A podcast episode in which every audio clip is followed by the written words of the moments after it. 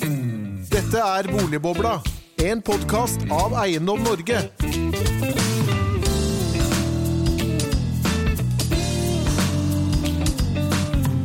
Hjertelig velkommen til en ny episode av Boligbobla, denne gang om nedsiderisiko for boligmarkedet i 2022. For i 2021 har vi fått en stor oppgang i boligprisene i mange deler av Norge, mens Oslo derimot har hatt en svak utvikling siden mars. Og ved inngangen til et nytt år så er det stor usikkerhet både knyttet til utviklingen i økonomien og pandemien. Og for boligmarkedet er drivere som økte energipriser, inflasjon og lavere boligbyggebehov X-faktorer som vi tar med oss inn i det nye året. Er det større nedside enn oppside for boligprisutviklingen i 2022, spør vi. Og for å ta oss gjennom dette utmerkede temaet har vi fått noen flotte gjester. Vi har fått med oss eh, sjefsøkonom i Akershus Eiendom, eh, Kari Du Andresen, hjertelig velkommen til deg. Takk for det. Og selvfølgelig har vi fått med deg din etterkommer i Handelsbanken, Marius Gonsolt Hov. Hjertelig velkommen til deg også. Takk, takk. Så når man bytter hatter, så må man jo få de samme hattene eh, felles igjen her i dette studio. Og ved min side som alltid sitter du, Henning Lauritzen. Hjertelig velkommen til deg. Takk, takk. I går la du frem våre prognoser for 2022. Eh, hvordan, hvordan går det?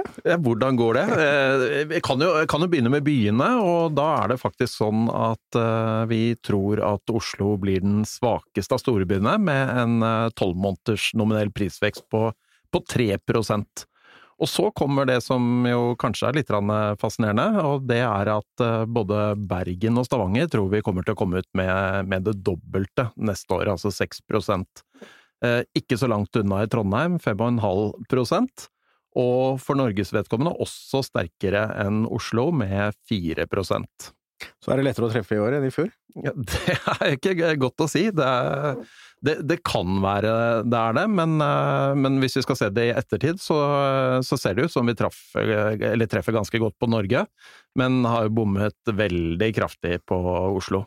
For jeg måtte jo forberede meg litt til denne podkasten, og da hørte jeg jo på denne episoden fra i fjor. Ja. Og da sa vi jo det at vi trodde Oslo skulle bli sterkere og resten av landet svakere. Men det er det motsatte som faktisk har skjedd. Ja da, nei, vi, vi, vi, gjettet jo på 7,5% for Norge og 9,5% for Oslo. Og Oslo ligger jo så langt i år på 2,1 mm. Så, så, der bommet vi så det holder. Så bildet er motsatt. Så det er de andre, andre byene i Norge da, som har dratt opp nå det nasjonale snittet på boligprisen? Ja, det er jo definitivt det. Og, og sånn Bergen og Stavanger ligger i området rundt 9 hittil i år, så, så, her er det jo ting som, som er virkelig sterkt. Stavanger er jo nå tilbake, er det ikke det? Eller friskmeldt? Det er veldig mye som tyder på at Stavanger nå er friskmeldt, ja. Så, så, feil kan man ta, eller rett, alt etter hvordan man ser. Eh, Kari, du er jo nå blitt eh, eiendomskvinne. Stemmer det. Eh, og da er du vel også opptatt av boligmarkedet. Du er jo opptatt av boligmarkedet også i handelsmarkedet. Hva, hva, tenker du om vår prognose da, det, over landet og, og, de store byene? Nei, Det er vel rimelig at boligprisveksten uh, demper seg litt framover. Det har den jo allerede gjort. Uh, jeg så at uh, Norges Bank de venter faktisk litt høyere boligpris til neste år nå enn det de så for seg i september, fordi de tror at boligbyggingen til neste år blir lav. Uh, og det er jo noe vi er litt opptatt av også i den uh, bransjen hvor jeg er nå, på, på næringseiendom, at uh, byggekostnadene nå er jo veldig høye. Mm. og vi ser at det legger begrensning på bygging av nytt areal. Så det er klart, det kan bli en begrensning, men det vil jo da i så fall være på, på nytt tilført boligareal. Man har jo også det eksisterende boligmarkedet, som tross alt er den største delen av markedet, så jeg tror nok dette har også mye med sentiment og hvordan den økonomiske utviklingen blir for norske husholdninger. Og, men altså, hvordan ser det sånn Hvis du ser på, ser på, økonomien som sådan, så går det jo veldig godt uh, i Norge? Ja, og skal vi tro Norges Bank, så ser jo ikke ut som dette her blir noe brems i det hele tatt. Altså, de har jo lagt inn en slags kosmetisk nedgang nå på kort sikt, og så en tilsvarende oppgang når restriksjonene lettes. Så jeg hadde en liten mistanke om at Norges Bank ikke rakk å gjøre en ny analyse etter de siste innstrammingene kom. ja, vi hadde sittet gjennom helgen, var det ikke det? Og, ja, og det kan jo hende at det stemmer, da. Jeg velger å tro det er kanskje litt konspiratorisk, men, men det er klart, de, de, måtte jo vurdere hva de skulle si til markedet uansett, og hvis de mente at dette var helt feil, så hadde de sikkert krøllet det sammen og og, og, kastet det. Men skal man tro Norges Bank, så går det jo godt nok i norsk økonomi til at vi skal ha tre rentehevinger til neste år. Jeg må si jeg, jeg stiller meg litt uh, tvilende til det. Vi kan jo håpe at de har rett, for i så fall så er det gode nyheter. Ja, Du var kritisk til den siste rentehevingen også? Ja, jeg har sagt at jeg syns det var umusikalsk i den situasjonen vi står i nå, fordi at de har ikke så dårlig tid. Det er klart, før vi fikk denne situasjonen med ganske strenge restriksjoner, så trodde nok de fleste analytikerne, eh, og meg inkludert, at vi kom til å få en renteheving nå, fordi at det har gått veldig bra i norsk økonomi, og arbeidsmarkedet er jo mer eller mindre normalisert, sånn som det ser ut.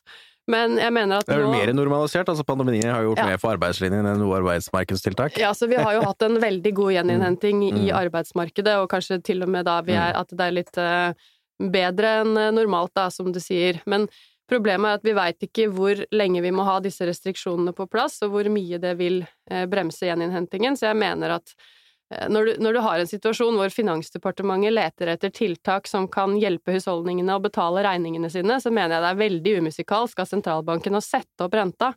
Eh, De kunne venta til mars. Det var først og Altså, fremst altså, timingen jeg syns var Mm. feil. Men Marius, du, du var vel på, på Twitter her, så jeg litt, litt, litt tvilende til at de skulle, om de skulle sette på renten også her i, her i desember. Eh, hva, hva, hva tenker du?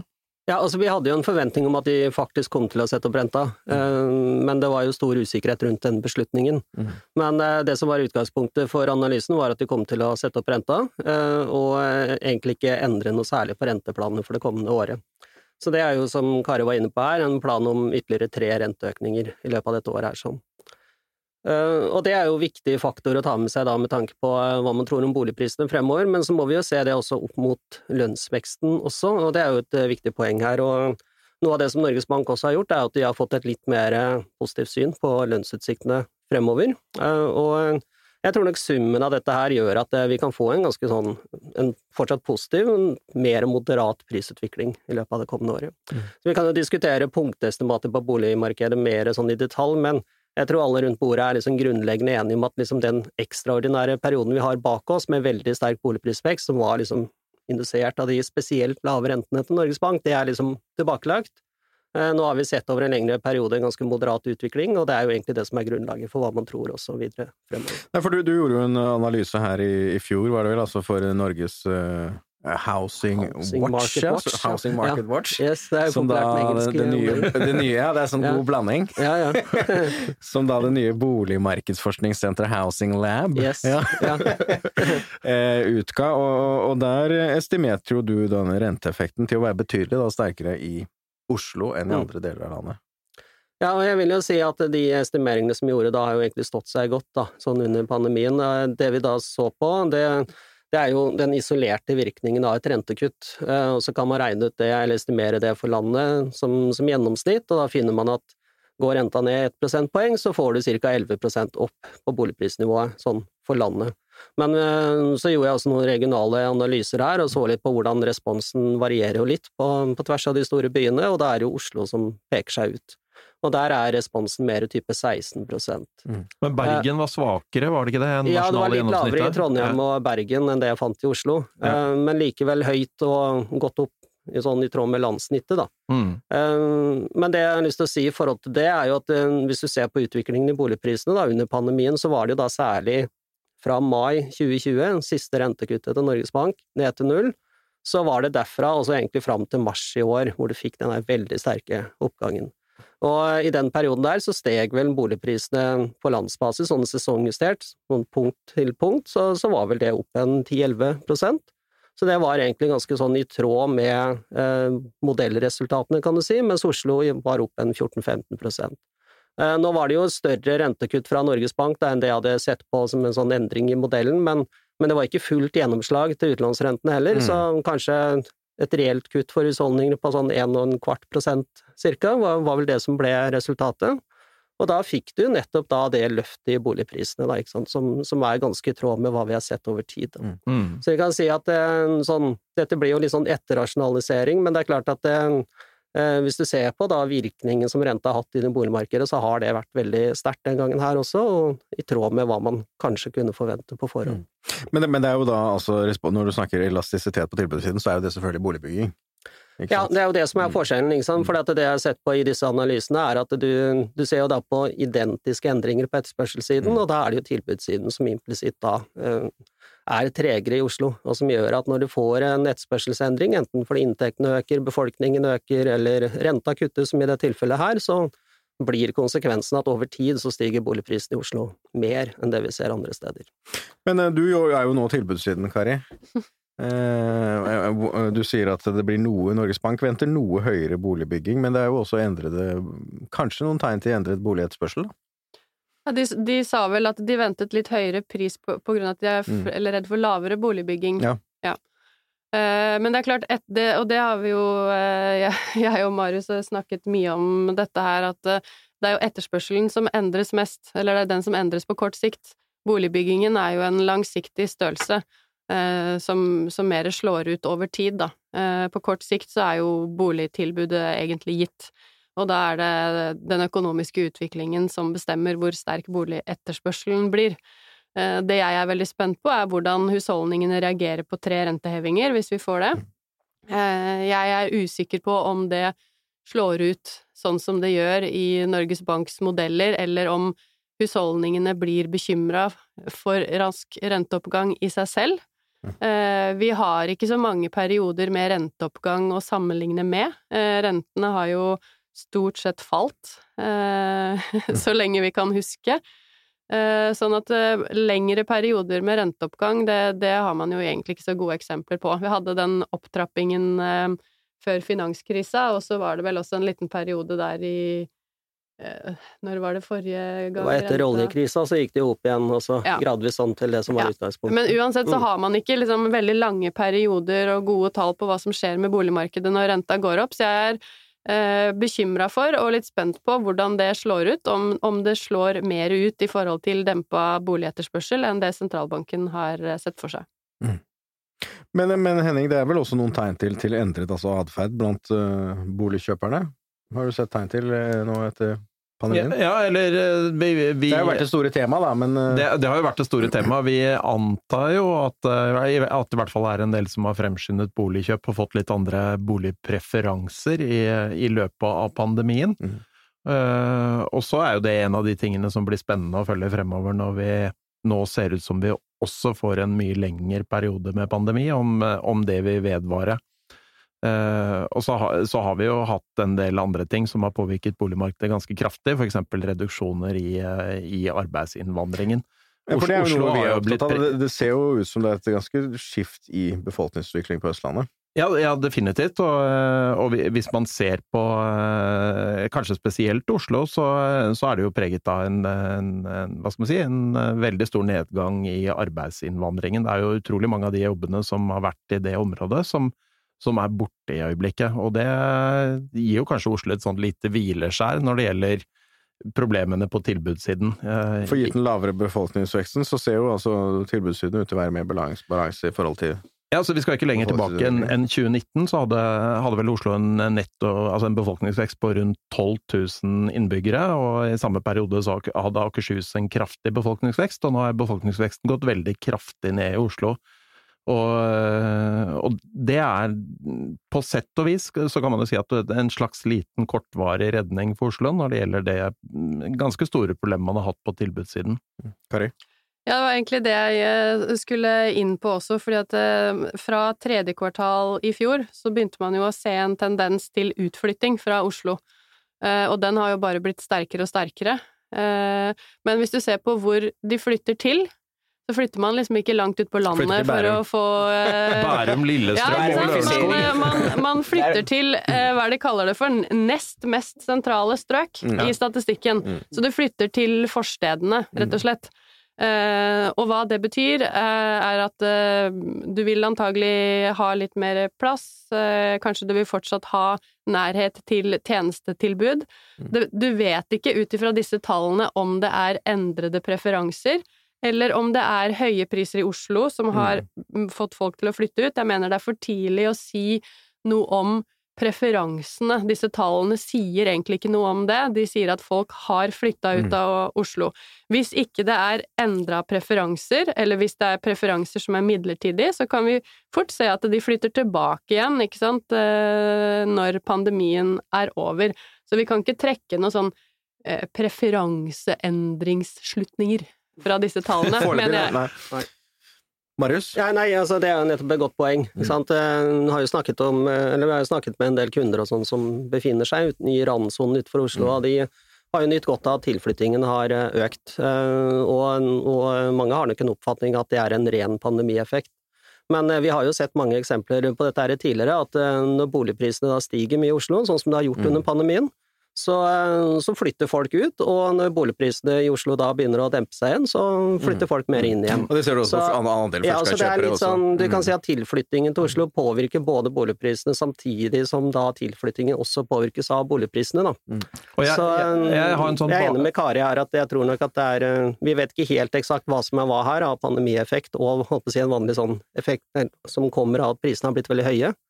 Men jeg tror nok det er eh, Det er i hvert fall det forholdet at eh, prisnivået i seg selv påvirker eh, flyttemønsteret i en periode, og når det roer seg litt, sånn som vi ser nå, så kan nok mer komme tilbake igjen. Det tror jeg fortsatt er en ganske grei sånn grunnantakelse. Altså. Og jeg, jeg har en sånn veldig barnslig kjepphest, og det er jo hva vi Altså liksom bybegrepet vårt. Når vi snakker om København, da snakker vi om byen København. Det ligger jo en kommune midt inne, Fredrik, altså Fredriksberg ligger jo midt inne i København og er deler av København.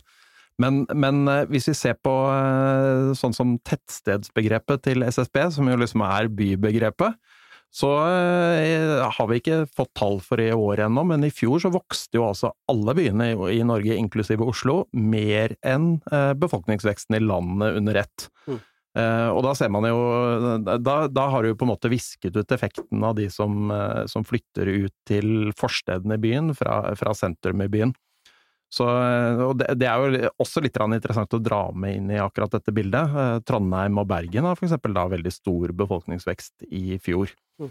Så eh, jeg er helt enig i at man skal ikke begynne å trekke noen sånn forhastede slutninger om, om Nei, jeg tror det er litt skjer tynt grunnlag egentlig. for det. Altså. Og så er det det andre som vi var litt inne på i stad. at En ting er befolkningsvekst opp mot boligbygging her og nå, men så er det dette etterslepet da, ikke sant? Som, som, som, som jeg mener at vi da ser i tallene. Når, når vi da under pandemien har sett at når renta kuttes, så har boligprisene tross alt her steget mer enn andre steder. Når du ser på summen av det som har skjedd. eh, det tyder jo på at det er noe etterslep fortsatt baki Mm. der. Ikke sant? Så det, det må man jo også ta med seg inn i kalkylen. Mm.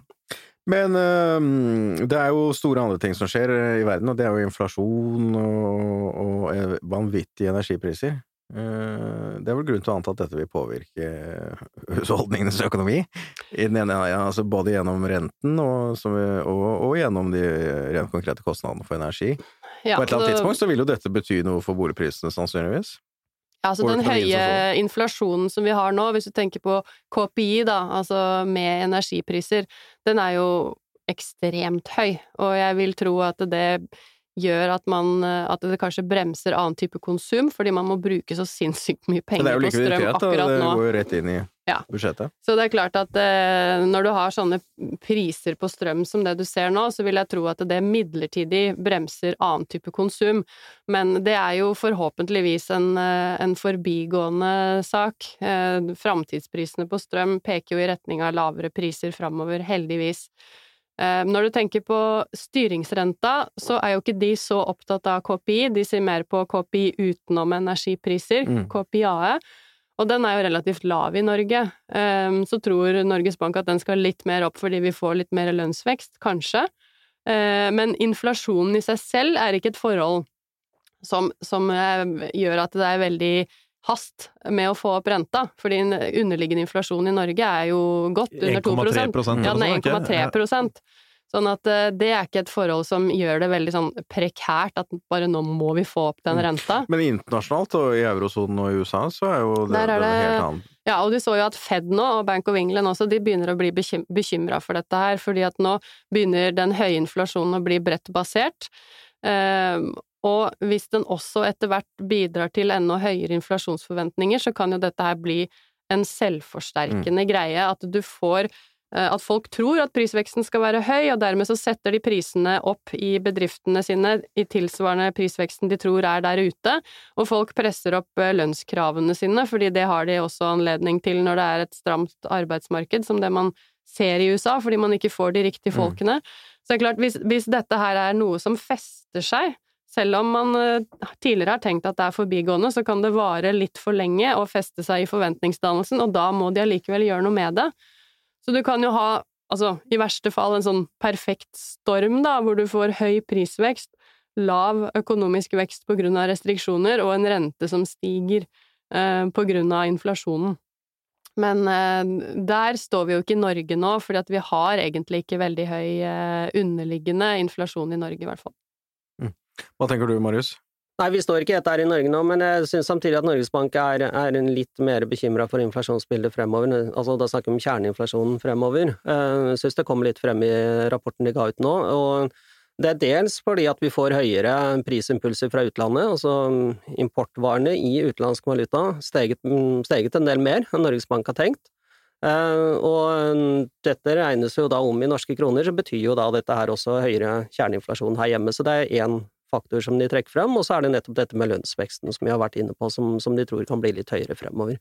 Så om noe så, så ser i hvert fall Norges Bank for seg at selv om kjerneinflasjonen er lav nå for øyeblikket, så kommer den raskere opp til inflasjonsmålet deres øh, enn det de trodde tidligere, da. Men øh, vi er nok fortsatt ganske langt unna en del av disse ekstremtilfellene som vi har sett øh, rundt oss, og spesielt den situasjonen vi har sett i USA, da hvor kjerneinflasjonen har blitt ekstremt høy. Eh, det er ikke den type utsikter vi snakker om eh, her hjemme. Men, eh, men om noe så, så tenker nok Norges Bank at det, det drar seg litt mer oppover her også. Men altså, når, når, når da arbeidsgiverne og arbeidstakerne skal forhandle lønnsoppgjøret til våren, så er det jo ikke kjerneinflasjonen de vil se på. De vil jo se på eh, altså prisstigningen som sådan, Mm. og, og kreve deretter, tror du ikke det da?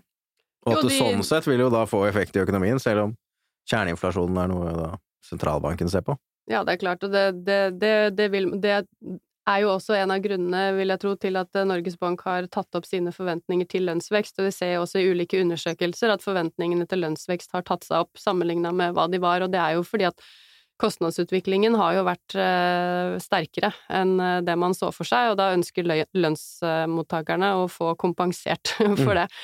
Men eh, så må man jo vurdere videre da hvilken evne bedriftene har til å betale lønn, og det er jo mer de generelle utsiktene for, for aktivitet. Men eh, som sagt så har Norges Bank justert opp forventningene sine til lønnsvekst og inflasjon, og det er jo på grunn av hele dette bildet, men i Norge så er det som sagt ikke en, en veldig sånn akutt situasjon, da. Men, men, men altså, arbeidsmarkedet vil jo også se litt annerledes ut, da, mm, kanskje fremover, hvis denne, denne lave innvand- arbeidsinnvandringen også vedvarer. Det vil jo kanskje også gi press på, på arbeidsmarkedet sånn sett, og høyere lønninger. Eller hva?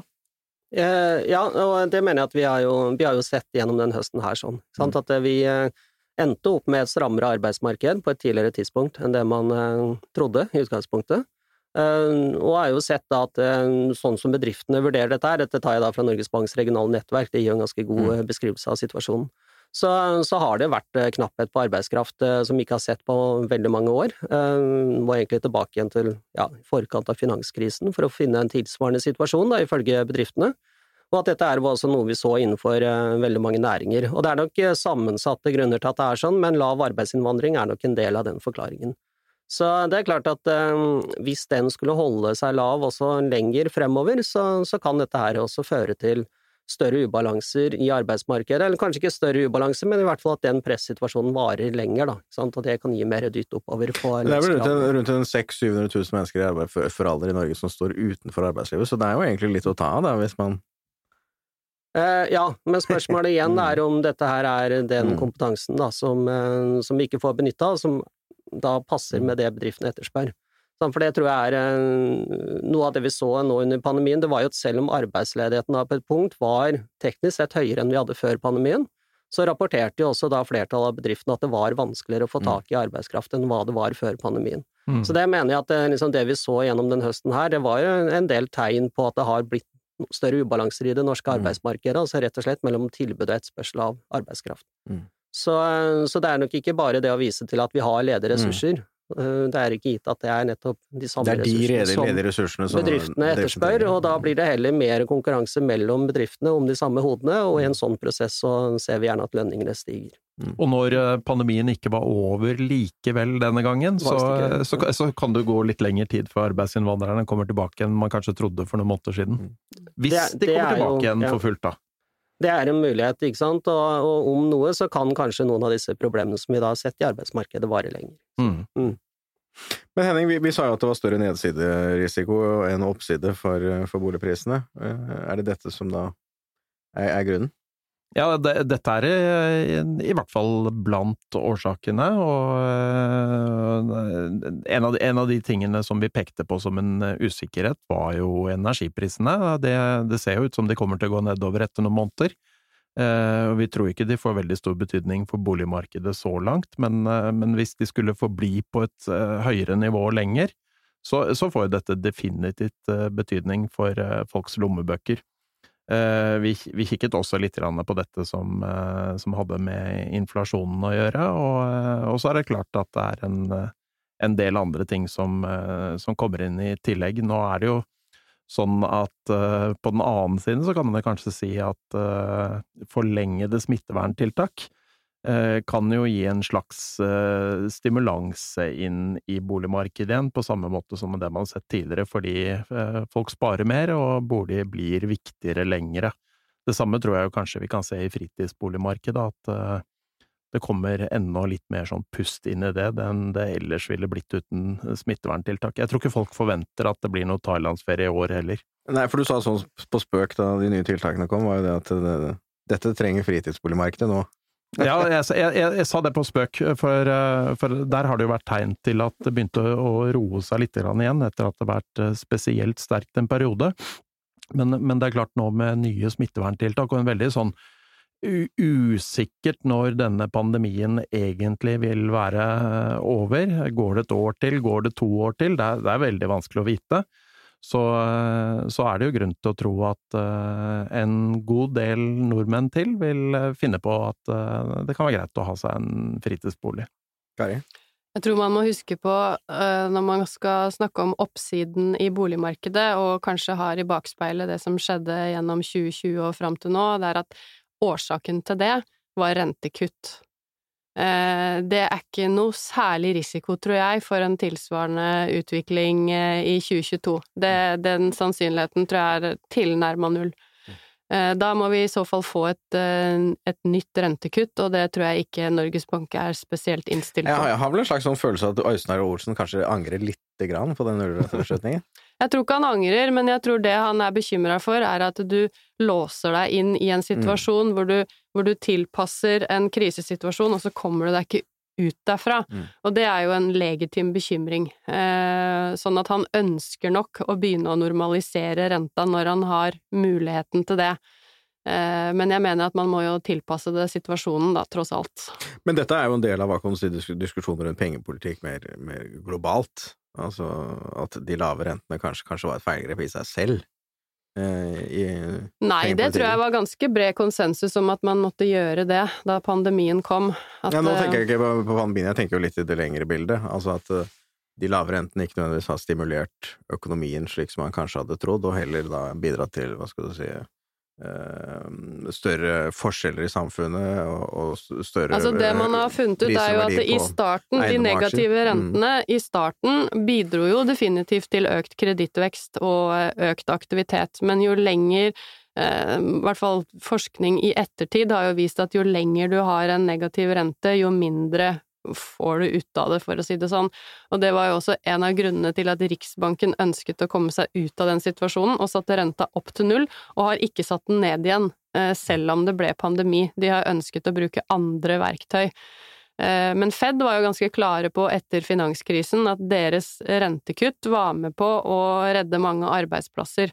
Og så kommer jo dette eh, ekstra hensynet med at eh, aksjemarkedene og aktiva priser generelt, kanskje, har eh, skutt i været som følge av denne pengetrykkinga. Eh, og så er spørsmålet da om den ulikheten på en måte trumfer det at flere har eh, tross alt holdt seg i arbeidslivet. Det vet jeg ikke om jeg har sett noen eh, konklusjoner på, men det er jo Vet ikke om du har det, eh, Marius? Nei, ikke sånn på stående fot. Men jeg tror litt av det som man diskuterer i dagens situasjon, er vel kanskje summen av tiltakene, da. Men da tenker jeg kanskje spesielt på USA. Mm. Hvis du ser på eh, omfanget av finanspolitiske stimulanser i USA, i tillegg til den svært ekspansive pengepolitikken, så har man kanskje kommet fram til at dette ble i sum litt vel mye, eh, i forhold til at man har problemer med en tilbudsside som ikke holder tritt med den etterspørselen man ser nå, og nettopp derfor større bekymring rundt inflasjonspresset. Eh, men jeg tror ikke det er i en helt relatert situasjon her hjemme. Men eh, samtidig så er det nok også sånn at eh, det vi ser nå, er at Norges Bank mener at det er rom for å sette renta litt opp, og at de tiltakene som vi får fra finanspolitikken, som nå rettes direkte inn mot de næringene som tross alt rammes av de innskjerpelsene nå, at det kanskje er det som fungerer best. Mm. For det at når det gjelder akkurat det siste her, så, så, er det jo en annen innretning på de korona, hva skal du si, støtten nå, mm. Enn det, det det, var under Erna Solberg, og i den ja. første fasen av pandemien. For nå er det jo lønnsstøtte de snakker om, mm. fremfor det Bedriftsstøtte. Mm. tror jeg er et viktig poeng å se at det kommer meldinger om dagen om permitteringsvarsler som trekkes tilbake osv. Mm. Nå gjenstår det å se hva som, hvor omfattende det blir, eh, hva mm. som blir liksom totaleffekten i arbeidsmarkedet. Men uh, jeg tror nok med den innretningen vi har nå, så ser vi at utslagene i form av permitteringer i hvert fall blir mindre enn det som, mm. som det kunne blitt i utgangspunktet, gitt tross alt de ganske harde innstrammingene som vi har nå, da, overfor Kall det kultur- og utelivet, serveringsbransjen osv., de som rammes veldig direkte av dette her. sånn. Men med en lønnsstøtteordning, at du tross alt klarer å finne noe alternativ aktivitet som gjør at man ikke bare må permittere eh, i dagens situasjon. Men uh, det er jo et annet forhold som vi ikke har vært så mye inne på, men som jeg tror også har vært veldig viktig under pandemien, og som vi ser igjen nå, det er jo at det er veldig spesifikke grupper som rammes, uh, og det som man har liksom, studert rundt dette her, er jo dette har jo gått utover Særlig yngre folk, folk med mm. dårligere økonomi innenfor uh, yrker med lavere lønninger. Mens det store flertall har på en måte uh, klart seg med hjemmekontor, og har jo mm. også fått lønnsvekst på toppen av dette her. Og spart så, så masse penger store, på alt det man ikke kunne gjøre. Det er veldig store sosiale mm. forskjeller, da, kan du si, sånn mm. under pandemien. Og det tror jeg nok også har vært en veldig viktig faktor bak det som har skjedd i boligmarkedet. At uh, for det store flertallet så har de kommet veldig økonomisk gunstig ut av pandemien og nettopp dermed hatt muligheten til å liksom ta ut rentekutteffekten fra Norges Bank i full Til å kjøpe hytte. Ja, og, og eh, sentralt Ja, eller ja. Mm. Så, så, det er jo et viktig forhold her, sånn. Men, men Kari, du jobber jo nå i kontor, kontormarkedet. Altså, jeg så dere hadde noe, en analyse her på den, et webinar dere hadde her om eh, kontorarbeidsplasser og, og både hva skal man si, svekkede økonomisk utvikling. Men, men det er jo mm. noe noe som er endret, da. Det er, i hvert fall, Vi snakket jo med Oslo kommune, og de var jo helt besatt av disse pendlertallene, selvfølgelig. For det avgjør jo hvordan, hvordan, ruter og sånne ting skal rigge kollektivtransporten. Mm. Og det er, det er, jo noe som har skjedd. Altså i den perioden vi nå hadde en gjenåpning. Ja, tenker du på uh... Bruken av kontorene og arealene og arbeidsplassene. Det er jo ja. Vi har jo hatt uh, undersøkelser av arealbehov, uh, og det er jo overraskende lite endra i forhold til uh, hva man trodde skulle være utviklingen tidligere i pandemien. Mm. Um, og vi tror ikke det kommer til å bli så veldig påvirket heller. Um, og hvis man ser på sysselsettingen innenfor en del kontoryrker, så har jo det knapt vært berørt. Uh, hvis du tar ut uh, reisebyråer og mm. sånne type tjenester som er direkte rammet, selvfølgelig, så er det eh, mange kontoryrker som, som knapt hadde en nedgang, og som har hatt en, en veldig sterk videre vekst. Sånn at eh, hvis man ser på kontorledighet og noterer seg at den ikke har eh, vokst veldig, eh, vi, vi, bruker omtrent eh, samme områder av kontor som tidligere, så, så, tror vi det henger sammen med at kontoryrkene har vært spart, eh, og heller hatt en ganske god utvikling gjennom pandemien. Mm. Men, men, altså, bruken av kontorene er jo noe annet når du ser på da, at eh, pendlertallene og, og sånn trafikken og, og, bilkjøring og sånne ting, så er det jo sånn eh, Hjemmekontor er, er, jo åpenbart kommet for å bli en eller annen variant. Ja, du kan jo se på disse uh, Google mobilitetsdataene, mm, ja, for eksempel, og der ser man jo at aktiviteten på arbeidsplassen er uh, lavere. Det kom vel opp i uh, en 10% lavere bare enn det vi hadde før pandemien, mm. og så nå detter det vel ned igjen, vil jeg tro. Eh, men det vi ser, er at mange ønsker allikevel å holde på den, eh, det arealet de har. Kanskje fordi at de tenker at det skal være rom for at alle kan komme tilbake på jobb, eller at de også trenger mer plass mellom hver kontorplass eh, og større møterom i denne nye situasjonen. Mm. Så det, det, blir ikke nødvendigvis færre arealbehov, det blir jo bare andre behov? Ja, man er ute etter kanskje et uh, mer interessant kontor, har vi mm. funnet ut, og det er veldig mange Eh, som tenker at de må ha et attraktivt kontor for at eh, folk skal komme tilbake igjen.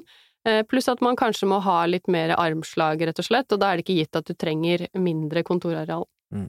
Eller så skal vi få ny sentralbanksjef ja, til neste år. det blir spennende. så uansett hvem det blir, blir, blir, blir det noen annen endring av pengepolitikken av en ny sentralbanksjef? Nei.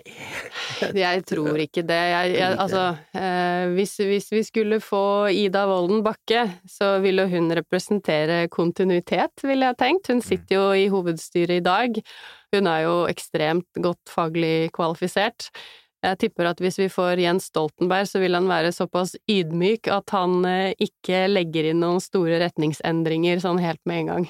Nei, jeg tror ikke det. Også er mandatet til Norges Bank er veldig klart definert. Så eh, jeg tror ikke dette er sånn, sånn personavhengig på den måten uansett. Ingen endring. Jeg tror ikke det er den faktoren jeg kommer til å se mest på i forhold til renteutsiktene og boligmarkedet neste året, uansett, i hvert fall. Nei, det er oppløftende å høre. Nei, vi, må, vi må gå inn for landing, eh, men vi har jo en fast spalte i hver episode, og det, det er jo Vi spør gjestene din første bolig, hva du, hva du kjente og hva du følte. Du har jo vært her en gang før, Kari, du har kanskje hatt din andre bolig? Ja, eh, jeg har hatt eh, bare to boliger som jeg har eid selv. Den eh, nummer to, det er den jeg eier nå. Det er et gammelt trehus på Blommenholm. Det har mye sjel. Men det er kaldt? det er høyt strømforbruk, det kan jeg si. Du må gå rundt med en sånn stearinlys og, og, så se hvor det blafrer og tetter. Ja. Ja, nå har vi pussa opp, da, så det er ikke fullt så ille, men det var definitivt sånn de første årene. Eh, men nei, det er det er, det, er, det er, god følelse, men det er dyrt på vinteren. Og Marius? Ja, nei, altså det er ikke noe bedre å bo i en sånn gammel bygård i Oslo eh, med høyt under taket og litt trekk, så det blir litt strømregning av det også. Mm. Men du tenker på førstebolig? Ja. Ja, nei, det var en Det var 60 kvadrat, det var vel i 2012, tror jeg, kjøpte den. Jeg lurer på om det var rundt 2,3 millioner, eller noe sånt. Så jeg burde vel kanskje beholdt den uansett. Sånn, Skulle leid den ut? Men det er god plass til musikkanlegget?